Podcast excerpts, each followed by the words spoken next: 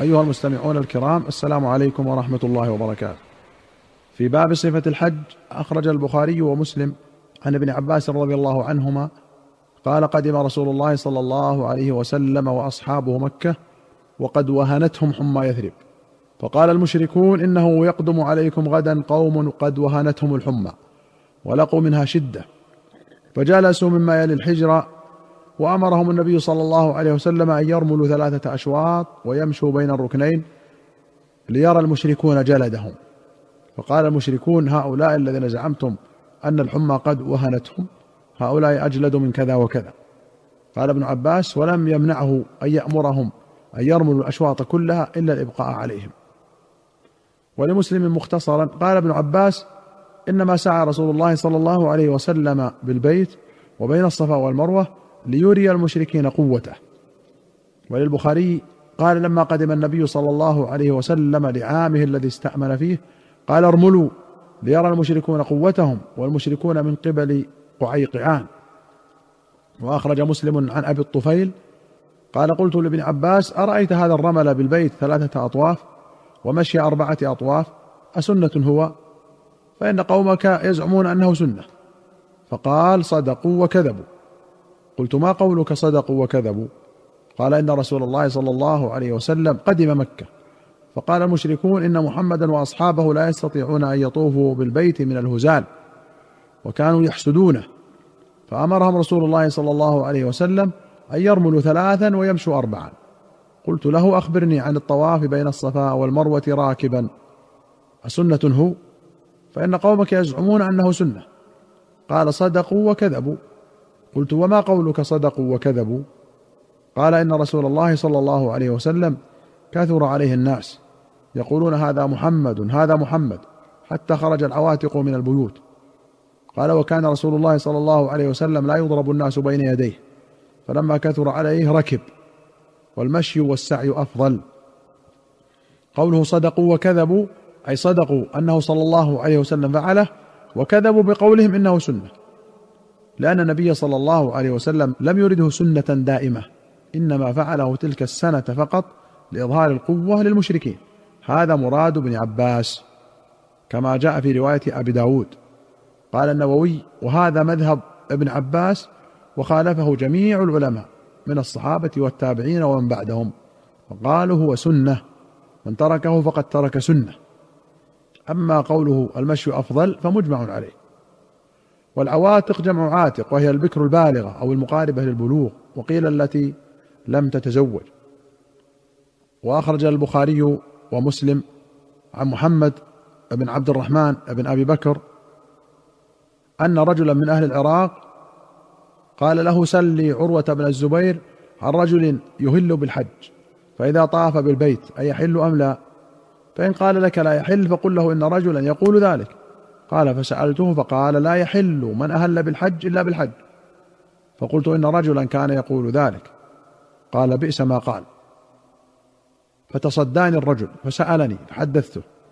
قال فقل له إن رجلا كان يخبر أن رسول الله صلى الله عليه وسلم قد فعل ذلك. وما شأن أسماء أو الزبير فعل ذلك. فذكرت له ذلك. فقال من هذا؟ فقلت لا أدري. فقال فما باله لا يأتيني بنفسه يسألني. أظنه عراقيا.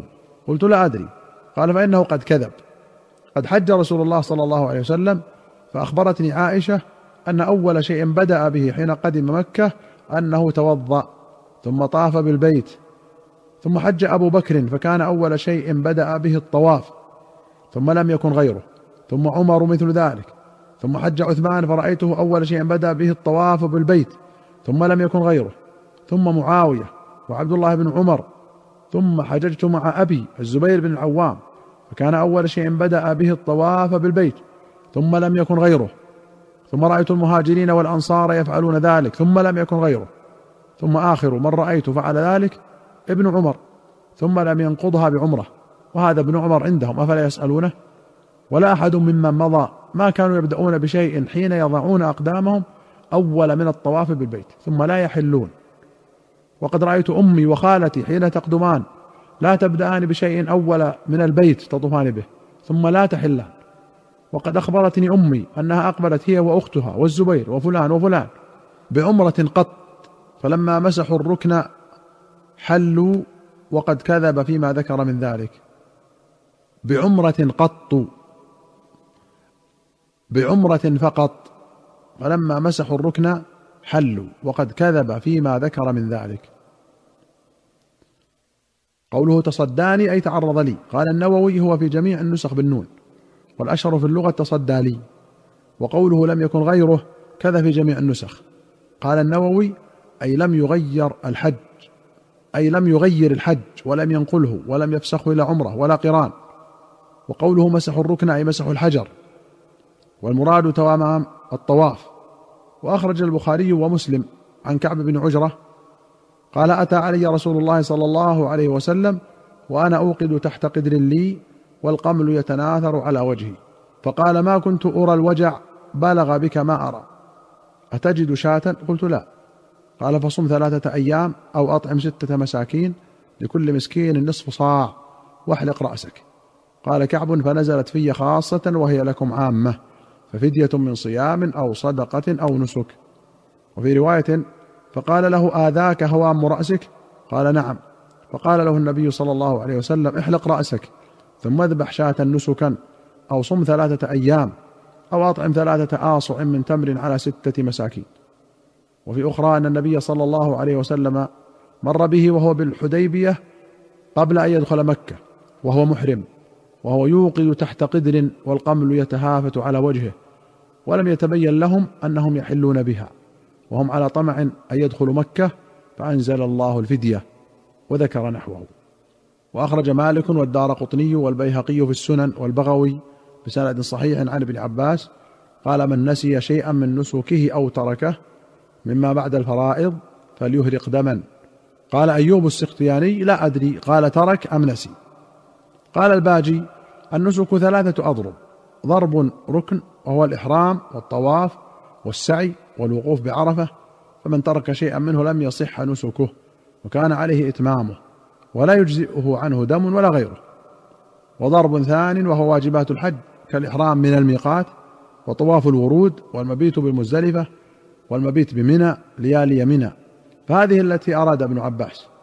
والضرب الثالث هو المستحبات كالخروج إلى منى يوم التروية قبل الزوال وصلاة الظهر والعصر بها ورمي الجمرتين الأوليين من أعلاهما والوقوف عندهما فمن تركها أو نسيها فقد ترك الأفضل وليس عليه في ذلك دم ولا غيره. انتهى ملخصا. وأخرج البخاري ومسلم عن حفصة أن النبي صلى الله عليه وسلم أمر أزواجه أن يحللن عام حجة الوداع. قالت حفصة فقلت فما يمنعك أن تحل؟ قال إني لبت رأسي وقلدت هديي فلا أحل حتى أنحر هدي. وفي رواية أن حفصة قالت قلت للنبي صلى الله عليه وسلم ما شأن الناس حلوا ولم تحل من عمرتك؟ قال إني قلدت هدي ولبت رأسي فلا أحل حتى أحل من الحج. وفي رواية فلا أحل حتى أنحر. أيها المستمعون الكرام إلى هنا نأتي إلى نهاية هذه الحلقة. حتى نلقاكم في حلقة قادمة إن شاء الله. نستودعكم الله. والسلام عليكم ورحمة الله وبركاته.